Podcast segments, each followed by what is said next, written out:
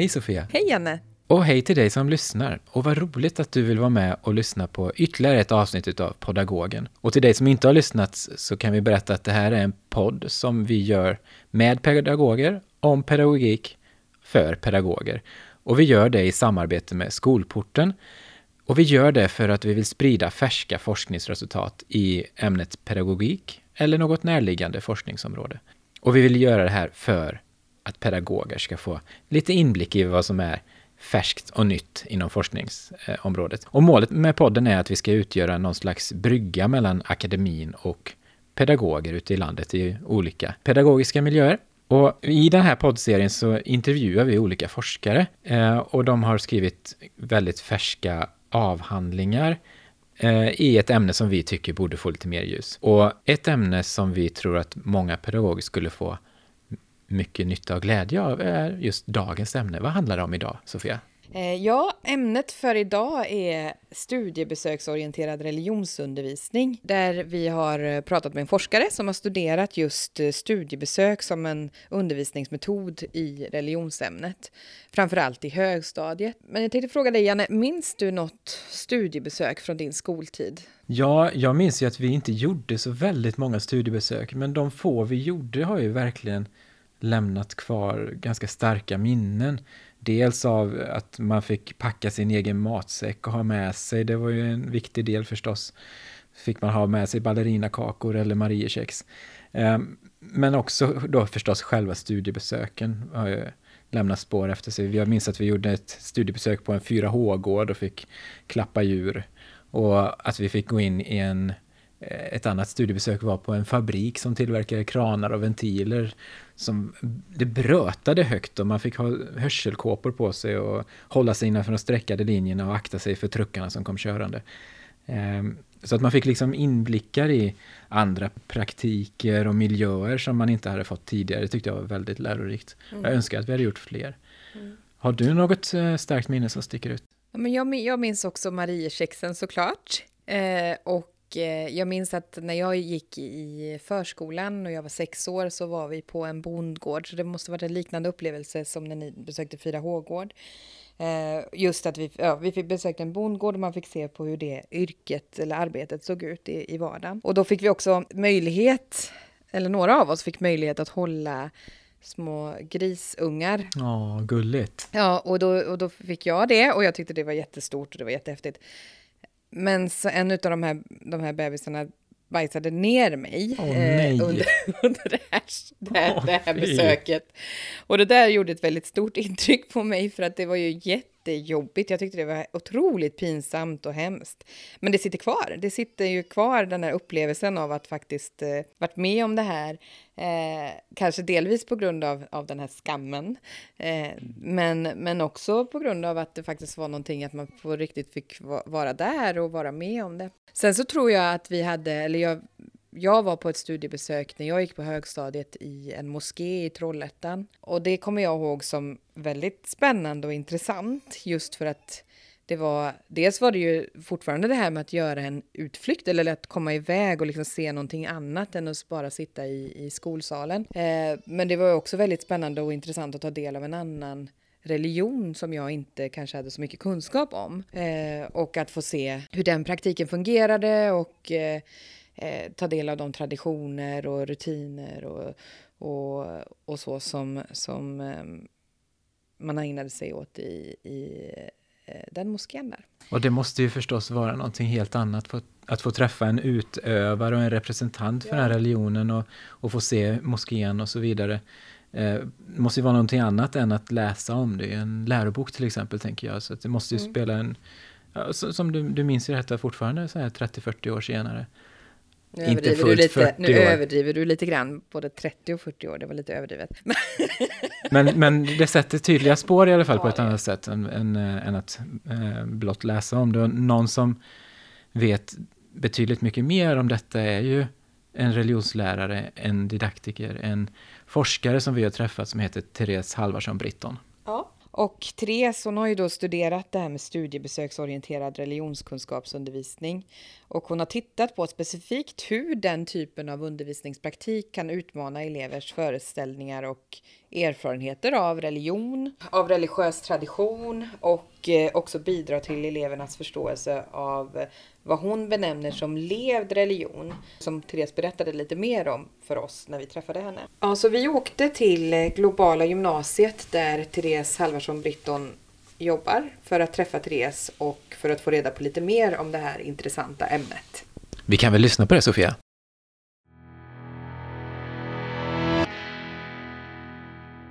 Det känns ju jätteroligt att träffa dig, Therese. Eh, som har skrivit eh, den här avhandlingen Att möta det levda. Eh, och jag tänkte börja med att fråga en sak. Om du skulle kunna förklara titeln på din avhandling som är Att möta det levda, möjligheter och hinder för förståelse av levd religion i en studiebesöksorienterad religionskunskapsundervisning. Mm, det kan jag göra. Det är en väldigt lång titel. Ja, de brukar vara det på de avhandlingar, brukar... eller hur? Ja, eller det, det, är ju ofta så. Ja. Och det var väl för att få med allting vad det handlar om. Nej, men det här är en um, studie som kanske står på två eller tre ben.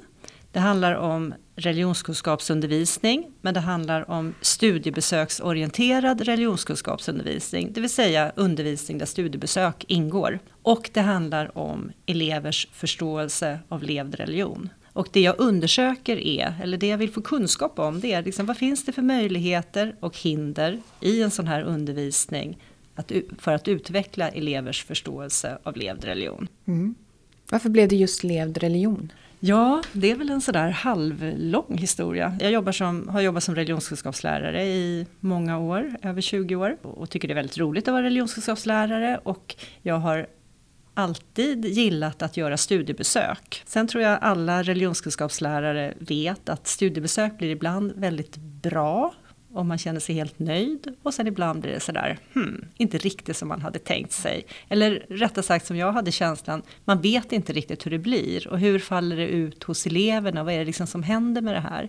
Och den biten, det, det, var liksom bakgrunden till det här runt studiebesök. Det var det som var utgångspunkten för min eh, liststudie som jag gjorde. Den blev klar 2014. Så den handlade om liksom studiebesök i religionskunskapsundervisningen. Och då gjorde jag den på gymnasiet eh, med en klass och, vi, och i samarbete med en lärare och eh, de gjorde ett besök, moskébesök. Så det handlade liksom om det. Och det jag märkte i den studien var att ja, men alltså studiebesök verkar ha stor potential, den där grundkänslan som vi hade från början, men också väldigt mycket utmaningar. Och att det är väldigt viktigt hur undervisningen ser ut, inte minst efter ett studiebesök. Det tyckte jag var en slutsats som jag drog från Lissen. Och så såg jag också att en av de där grejerna som jag tyckte var potentialen som studiebesök kunde ge, var att, att det handlar om att få, att religion kan bli mer på riktigt, mer levande, att det blir någons religion.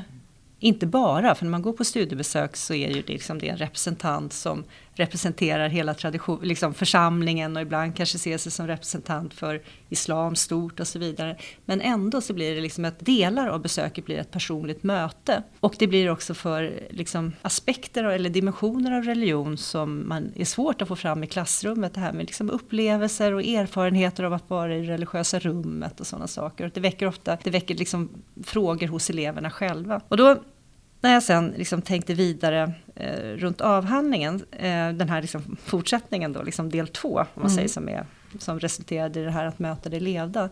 Då kände jag att jag ville ta fasta på, vad var det jag såg i Lissen som studiebesök kunde bidra med i avseende av att förstå levd religion, det vill säga liksom individers religion och religiositet. Så det är det som är levd religion, det är individers Ja, det skulle man kunna levde. säga. Det här är ju liksom ett religionssociologiskt perspektiv av religion. Som att man, inom religionssociologin så, så säger man, om man det, det, finns en risk om vi bara studerar liksom själva religiösa traditioner med dogmer och liksom lärosatser och sånt, så missar vi kanske vad religion och religiositet egentligen kan vara. Mm. I människors, religion i människors liv kan ju se så olika ut.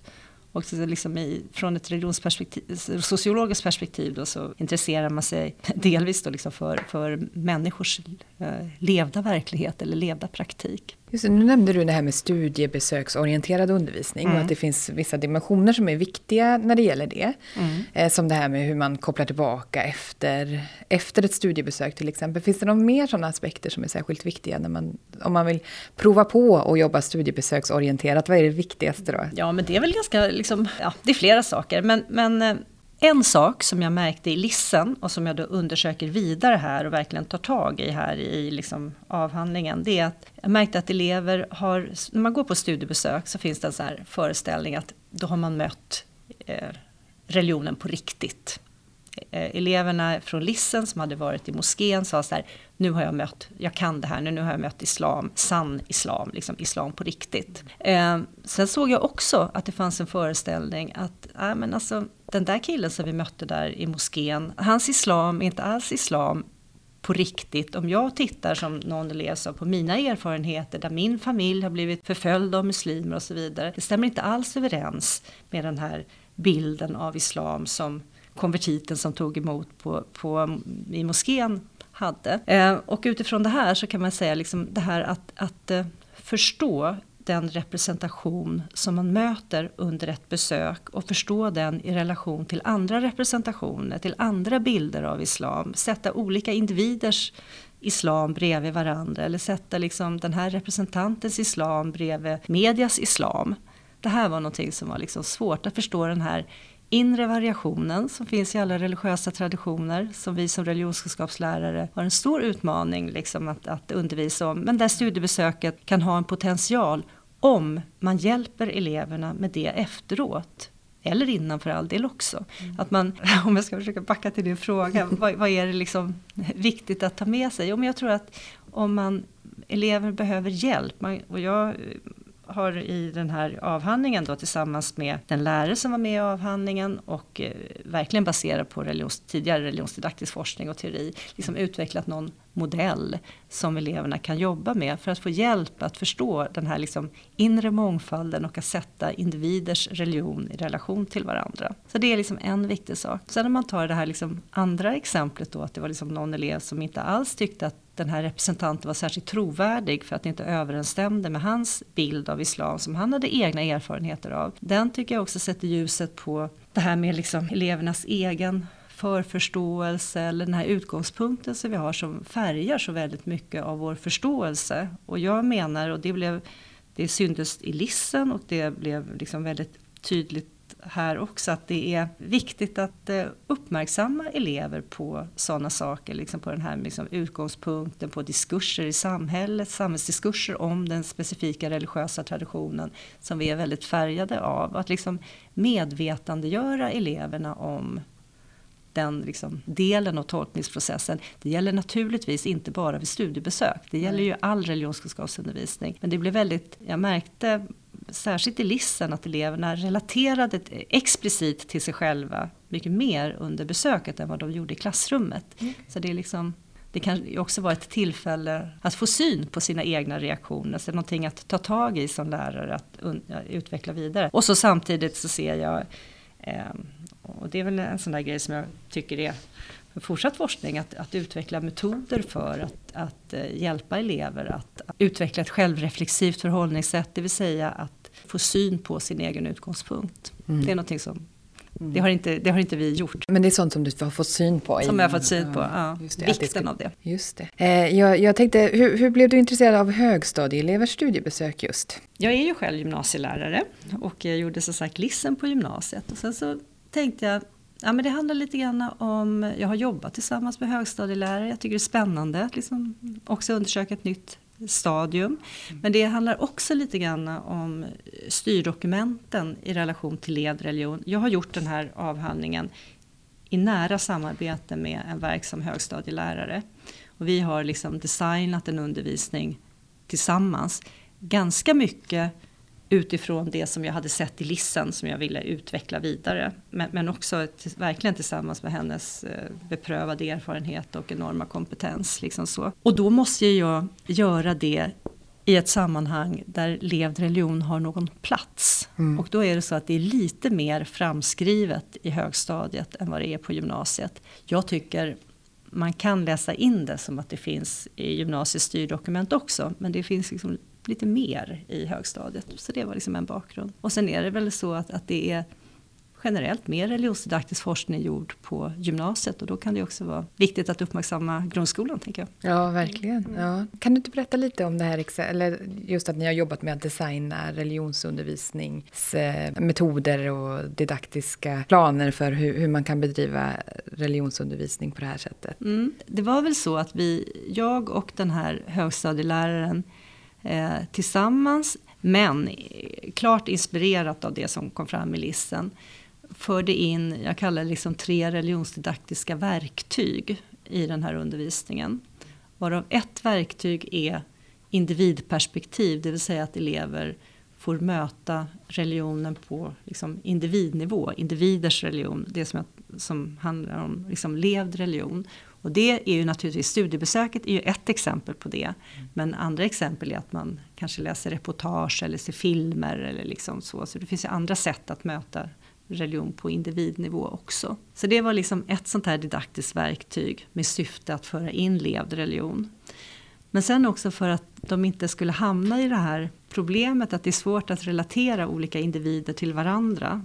Så gjorde vi en modell som jag har valt att kalla mångfaldsmodellen. Och den här modellen den utgår väldigt mycket från eh, en brittisk religionsdidaktiker, Robert Jacksons tolkande ansats som är en hermeneutisk ansats som handlar om att för att förstå religion och religiositet så behöver vi liksom både förstå religion på individnivå på gruppnivå. Det kan handla om inriktningar inom religionen men det kanske också kan handla om man lever klosterliv eller som lekman eller så. Och på individnivå, vem man är, ålder, kön, utbildning, etnicitet, alltihopa sånt. Att, och för att förstå religion och religiositet så behöver vi liksom pendla mellan de här tre olika nivåerna för alla de här tre nivåerna samspelar. Och om man kan göra den pendlingen eller den rörelsen och förstå den rörelsen så blir det också lättare att förstå varför olika människors buddhism som det handlade om i, i avhandlingen ser olika ut. Mm. Så det blev liksom den här mångfaldsmodellen som är en, en uh, fysisk modell ja. av Robert Jacksons tolkande ansats med några förändringar uh, och som jag i efterhand uh, också har kommit på jag vill ha några tillägg till. Den blev liksom ett verktyg för eleverna att försöka förstå den här liksom inre variationen och ställa olika människors religion och religiositet i relation till varandra. Och sen det tredje verktyget som vi förde in handlar om, om eh, självreflektion som handlar just om det här med elevernas egna utgångspunkter. Och det var lite att, att eleverna fick eh, kanske skriva loggar vad de själva tyckte och tänkte och upplevde om olika saker och sådär. En lite intressant sak som framkom tycker jag mm. som ett, ett, ett resultat var att eh, vi gjorde de här självreflektionerna eller eleverna gjorde självreflektionerna.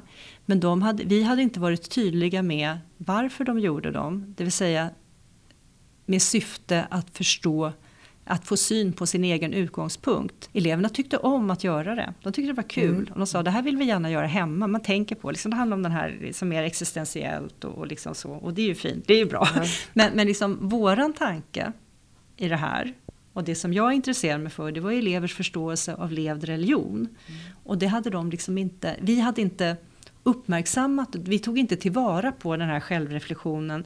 Dels för att visa hur det färgade deras förståelse men också i relation till till exempel ja, med studiebesök. Och när vi var på studiebesöket i avhandlingen då som handlar om eh, från buddhistisk tradition mm. så fick eleverna prova att göra meditation. Mm. Och de skrev väldigt mycket om den här liksom, upplevelsen av det och eh, de beskrev det ja, på, på, olika sätt, ofta i existentiella termer och sådär. Ja. Eh, och det, är ju liksom, det var ju intressant och det var ju egentligen, där fanns ju väldigt så här möjlighet för oss att plocka upp det och eh, jämföra det med religiösa upplevelser. Inte att deras upplevelser var religiösa upplevelser, men man kunde liksom jämföra det med. Men vi gjorde aldrig det här eh, liksom, mm. arbete. Så de, vi hade behövt, eh, tänker jag i efterhand, liksom göra eh, en metareflektion med eleverna. Varför vi gör, dels varför de gör de här liksom självreflektionerna och sen att, att sätta deras egna upplevelser i, i liksom relation till, både mm. hitta likheter och skillnader naturligtvis till liksom religiösa upplevelser. Hade vi gjort det mm. och hade vi haft tid att göra det det är inte så att det kom som en hel blixt från klar himmel, men då, då hade det kunnat bidra med ett perspektiv av levd religion som är just det här att, att levd religion också innehåller upplevelsedimensioner. Ja, och spännande ju. Mm. Det är också spännande saker man kommer på efterhand. Ja, eller så, så, och sen ska avhandlingen också skrivas. Ja, ja precis. det, är det. det är ju inte så att den här undervisningen är den liksom perfekta undervisningen på något sätt. Det är inte det som är, är vi hade idéer och, och, och, jag hade mycket idéer och läraren tillsammans med hennes liksom, erfarenhet och kunskap om just den här gruppen och, och årskursen och så vidare. Men eh, sen lärde vi oss liksom utifrån det. Mm. Ja, just det. Ja, spännande. Eh, men, men för jag tänkte det här med reflektionen. Ha, vad säger egentligen eleverna att de tar med sig framför allt från studiebesöken? Titta på vad de lyfter. Mm kring det? Ja, men alltså det är lite olika. Generellt kan man säga att eleverna tycker om att göra studiebesök. Men det var inte det som var din fråga, utan det var vad, vad tar eleverna med sig? Fast det är viktigt också tänker jag. Ja, lite... ja men det är det också. Men, men det som de tar med sig, mina in, jag har inleder min avhandling med två citat. Och då är det liksom en elev som talar om en elev säger så här. Det känns som om det här sättet, det vill säga att göra studiebesök, att få kunskap ger en inte så mycket fakta som det man får i skolan, typ så här uppkom religionen, så här och så här tycker majoriteten, alltså sånt där som känns blankt utan så mycket djup, utan som är fakta. Den kunskap man fick i templet var mer levande genom att man fick uppleva det lite själv. Man får även mer personliga uttryck och känslor, både från en själv, hur man tolkar religionen när man själv inte tillhör det, men även från det som den som följer religionen själv, som pratar om det vars tro och tolkning kan skiljas från det andra. Det vill säga, det den här eleven lyfter fram, det är ju att, att religionen blev mer levande, det handlar om känslor, det handlar om uttryck, det handlar om att få tolka själv. Det blir inte så här blankt, Nej. som hon beskriver det här liksom faktabaserade. Så att det var ju liksom en sån här liksom dimension som hon och flera andra lyfte fram. Ja. Medan ett annat citat från liksom en gruppdiskussion, de säger så här. Men samtidigt tycker jag ändå, det är bra att träffa en riktig buddhist, för man försöker förstå deras tankar. Men eftersom vi var här med skolan och vi ska lära oss så mycket som möjligt så är det nog ändå bättre om läraren Anna hade stått och förklarat lite. Det är vi mer intresserade av, mer i allmänhet, eller i alla fall jag skulle hellre vilja se buddhister i allmänhet. Det vill säga att, som jag upplever då, det är liksom lite svårt det där att man får just det här individuella perspektivet. Mm. Och jag kan lätt förstå den här eleven. Samtidigt är det så här, om vi vill att våra elever ska förstå buddhism eller buddhismer så behöver man ju förstå den inre variationen mm. och man behöver få hjälp med det. Mm. Så det, det är, mm. ja. Jag, jag tänkte att i slutdiskussionen så lyfter du frågan om mötet med levd religion ska vara mål eller medel. Kan du förklara vad du menar med det? Nej, men jag tänker liksom, antingen kan man tänka, varför ska man... Jag intresserar mig för skolämnet religionskunskap. Det är liksom det. Då kan man fundera varför ska levd religion... Är det viktigt överhuvudtaget att det är med i skolämnet? Och då landar jag i att eh, ja, det tycker jag att det är. Och jag tycker att det är viktigt både som ett mål och som ett medel. Och att jag tycker att det är viktigt som ett mål är att man kan titta på, om man tittar liksom i religionsvetenskaplig forskning generellt, ibland pratar man om ett paradigmskifte, att man från att ha ägnat sig mer åt religionsfenomenologisk eh, verksamhet där man jämför liksom olika lärosatser och, så, jämför olika religiösa traditioner. Så har man liksom nu kanske övergått till ett mer kulturvetenskapligt paradigm där man intresserar sig för individen och liksom i, i sin samhällskontext och religionen där. Och det är ju precis det här liksom i linje med, med liksom levd religion. Och då tänker jag att om man gör det där, ska vi inte göra det i skolämnet också? Det finns ju en risk att skolämnet blir liksom, presenterar en religion och religiositet som nästan bara finns i skolämnet. Mm.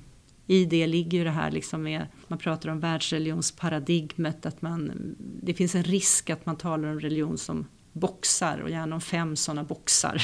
Just, och det är inte så som människors religion och religiositet ser ut. Och om, om vi tänker att ett medborgar uppfostrande perspektiv är att man ska få förståelse för varandra och liksom så. Då behöver vi förstå individers religion och religiositet. Genom att hänvisa till, liksom, titta på religionsvetenskapen så tycker jag man kan säga att det kan mycket väl vara ett mål i, i den här undervisningen. Men sen tycker jag också att det kan vara ett medel och det är liksom i form av att det kan vara inkluderande. När man har gjort eh, religionsdidaktiska studier av, både i Sverige och, och, andra länder där man undersöker elever som själva positionerar sig religiöst och hur de känner igen sig i religionskunskapsundervisningen så visar det sig att de känner ofta inte igen sig och det de saknar är ofta som de ger uttryck för att de saknar, det är det här liksom med gemenskap, det är med upplevelse, det är hur vardagslivet kommer in i religionen som är just det här liksom levda perspektivet. Så det skulle kunna vara liksom ett sätt att eh, inkludera de, de som omtalas som ett dom i, i undervisningen. Man behöver, sen är det ju inte så att en muslimsk elev som läser om islam behöver inte känna igen sig hela tiden. Det är ju fint att få lära sig någonting nytt också, eller en kristen som läser om kristendom. Men sen så märkte jag också att när eleverna fick möta i den här studien som var framförallt eh, sekulära elever mm. När man möter, liksom, och faktiskt även i Lissen också förresten, där var det inte mest sekulära elever. Men, men när man möter religion på individnivå så blir det också ett sätt och, och ser att religionen hör ihop med hela livet och med hela människan så blir det också ett sätt att, att minska avståndet och att kanske själv bli liksom inkluderad i det. Sen ska man säga det här liksom i, i studier av levd religion så kanske man också eller så här, man ifrågasätter också det här liksom världsreligionsparadigmet och det kan man verkligen fundera på. Det här att vi grupperar och tänker man läser om de här olika världsreligionerna. För att då finns det dels inget utrymme för gråzonerna däremellan men det, det, det kanske heller inte finns lika mycket utrymme för dem som inte är religiösa eller att man bara plockar lite från olika religioner. Och så, där. så, så det skulle kunna vara liksom att luckra upp det skulle kunna vara ett sätt att inkludera även elever som inte själva är religiösa. Mm. Tänker jag och det är därav att jag tänker att det är som ett medel. Mm. Är det något mer som du tycker att en läsare av din avhandling ska få med sig? Något som är särskilt viktigt?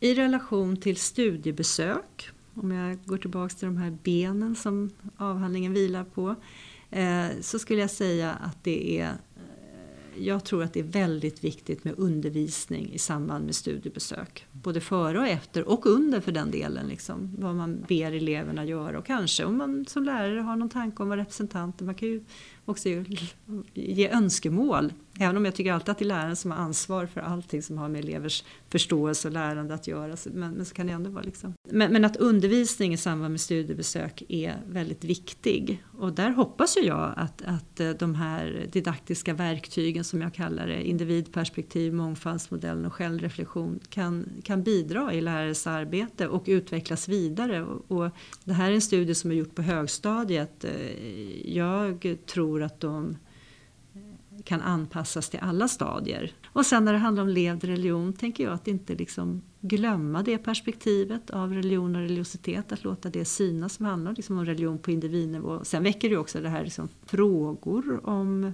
med att elever ska få uppleva själva hur långt kan man gå inom ramen för en icke-konfessionell undervisning.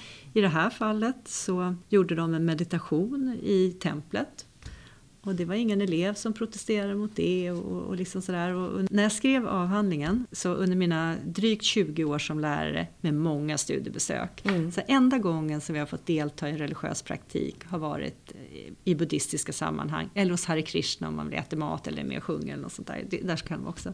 Mm. Aldrig liksom i någon muslimsk bön eller någonting annat. Mm. Men efter, och det tyckte jag var jätteroligt, efter nu disputationen när jag var på studiebesök med en klass i en moské. Då frågade de om, om eh, några elever ville vara med, inte på bön, eh, när det var en eh, liksom, pågående bön, men när de eh, illustrerade bön, hur mm. bön gick till. Mm. Så det, var, det blev en liten ja, förändring där. Men, men det, det, det är också ändå lite intressant. Jag tror att det är ingen slump att det är i buddhistiska sammanhang och meditation som det är okej. Okay. Mm. Eh, och det har ju också med den här återklangen av den västerländska buddhismen att göra för att den känns, ja men det handlar om välbefinnande och det är lite mindfulness och lite må bra liksom så. Just det. Som också är begrepp eller ja, eh, som många är, van, eller är utsatta, eller utsatta för, eller på att säga, men vana vid i andra sammanhang. Ja, men också, precis. Verkligen. Mm. Om jag är lite ovan läsare av avhandlingar, var tycker du att jag ska börja? Eller vilka kapitel, eller vilka delar av din avhandling tycker du att jag ska börja att läsa? Jag skulle nog eh, slutdiskussionen i så fall. Sen är det också så att mitt femte kapitel det är väldigt hands-on. Där beskriver vi hela vår undervisning. I avhandlingen så gjorde jag bedömningen att det behövs för, som en, liksom, för att göra den transparent. Och, men det kan ju vara av intresse inte för att det är den perfekta undervisningen, men däremot för att man kan få idéer och vi berättar hur vi har tänkt där. Om man dessutom sen läser slutdiskussionen så kan man ju se vad det var som eventuellt vad vi kom fram till att det här kunde man gjort på ett annat sätt. Ja. Så jag skulle nog säga det. Ja, bra, tack. Sen tänkte jag fråga nu lite avslutningsvis, att vad gör forskaren Therese idag? Ja, jag jobbar som lärare, mm. absolut nu. Jag har distansundervisning för fullt här, eller fjärrundervisning som det heter. Eh, men jag har också tillsammans med eh, fyra andra kollegor eh, fått ett skolforskningsinstitutsprojekt som vi ska, vi har påbörjat det lite grann men vi påbörjar framförallt i augusti som handlar om Enquiry som är en det betyder i korthet liksom frågebaserad eller frågedriven undervisning. Det är en, en, undervisningsmetod kan man säga. Och det vi ska göra är, det här, eh, vi ska undersöka vad Enquiry kan vara i Sverige i ämnena samhällskunskap, historia och religion där jag är liksom såklart fokuserad på religion. Då. Och det här ska vi göra tillsammans med verksamma lärare som redan genom tidigare seminarier som, som vi har haft tillsammans med dem har eh, liksom en viss eh, erfarenhet och bevandring i respektive ämnets didaktik. Och sen så ska vi undersöka hur vi, tillsammans, eller vi ska se hur vi tillsammans kan utveckla Enquiry, vad Enquiry i religionskunskap kan vara. Och det handlar både om högstadielärare och gymnasielärare. Och sen så är det likadant i de andra ämnena också. Då. Så det ska bli väldigt spännande. Ja, och vad, vad, vad, vad Enquiry kan vara för någonting, hur de kan se ut, vad elever kan lära av det, men också vad behöver lärare för kunskaper för att kunna utföra och göra Enquiry. Mm. Spännande, mm. jättekul. Men vad roligt att vi fick träffa dig Therese eh, här på Globala gymnasiet i de tomma korridorerna. Mm. Och väldigt roligt att få vara med. Ja, tack så jättemycket. Tack.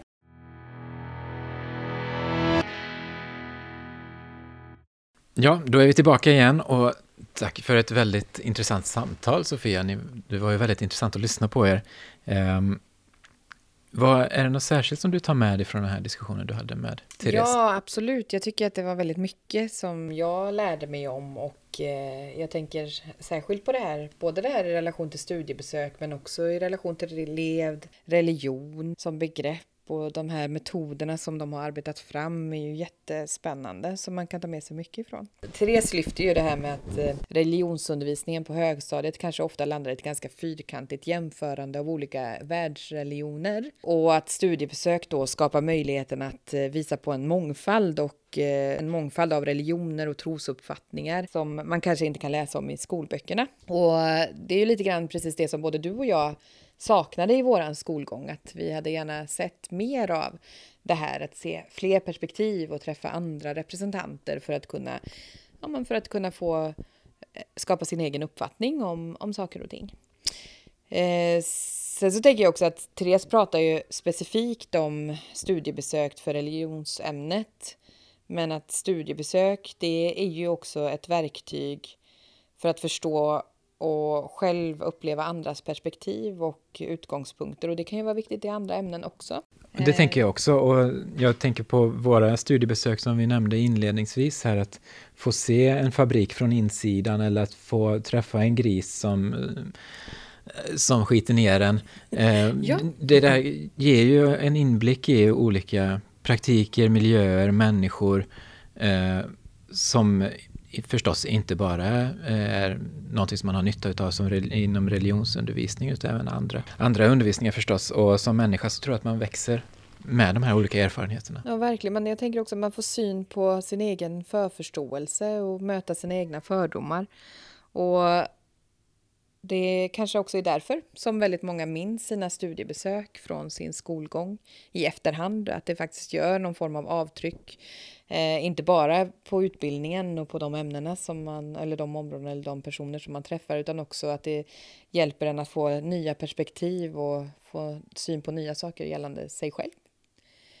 Eh, och, och så. Ja, det, jag tycker att det var väldigt intressant att ta del av Therese eh, forskning här nu och eh, jag tänker att det väcker säkert många frågor så att ni får jättegärna höra av er om det är så att, det, att ni har några funderingar. Eller också ta del av Therese avhandling som finns att ladda ner på Stockholms universitets hemsida. Vi kommer även lägga upp länkar till den via våra kanaler, genom Skolportens ja. hemsida och genom Instagram. På Instagram heter vi Podagogen och där kan du hålla dig uppdaterad om kommande avsnitt. Ska vi säga någonting om nästa avsnitt? Ja, det kan vi göra. Nästa avsnitt kommer att handla om användningen av digitala resurser i förskolan, framförallt i flerspråkiga miljöer. Där vi har träffat en forskare som har studerat detta. Mm. Så med det så vill vi passa på här att tacka våra samarbetspartners. Det är Skolporten som är vår samarbetspartner här och vi vill också tacka Riksbankens jubileumsfond som bekostar delar av den här podden. Vi vill också tacka MT Talks och SO Medieproduktion som är med och sponsrar eh, produktionen av den här podden. Och särskilt tack till våra inspelningsproducenter Daphne Törn och Isabella Jös. Och eh, med det så säger vi tack för att du har lyssnat på Pedagogens femte avsnitt och vi hoppas att du även vill lyssna på nästa avsnitt. Ha det så fint! Ha det bra!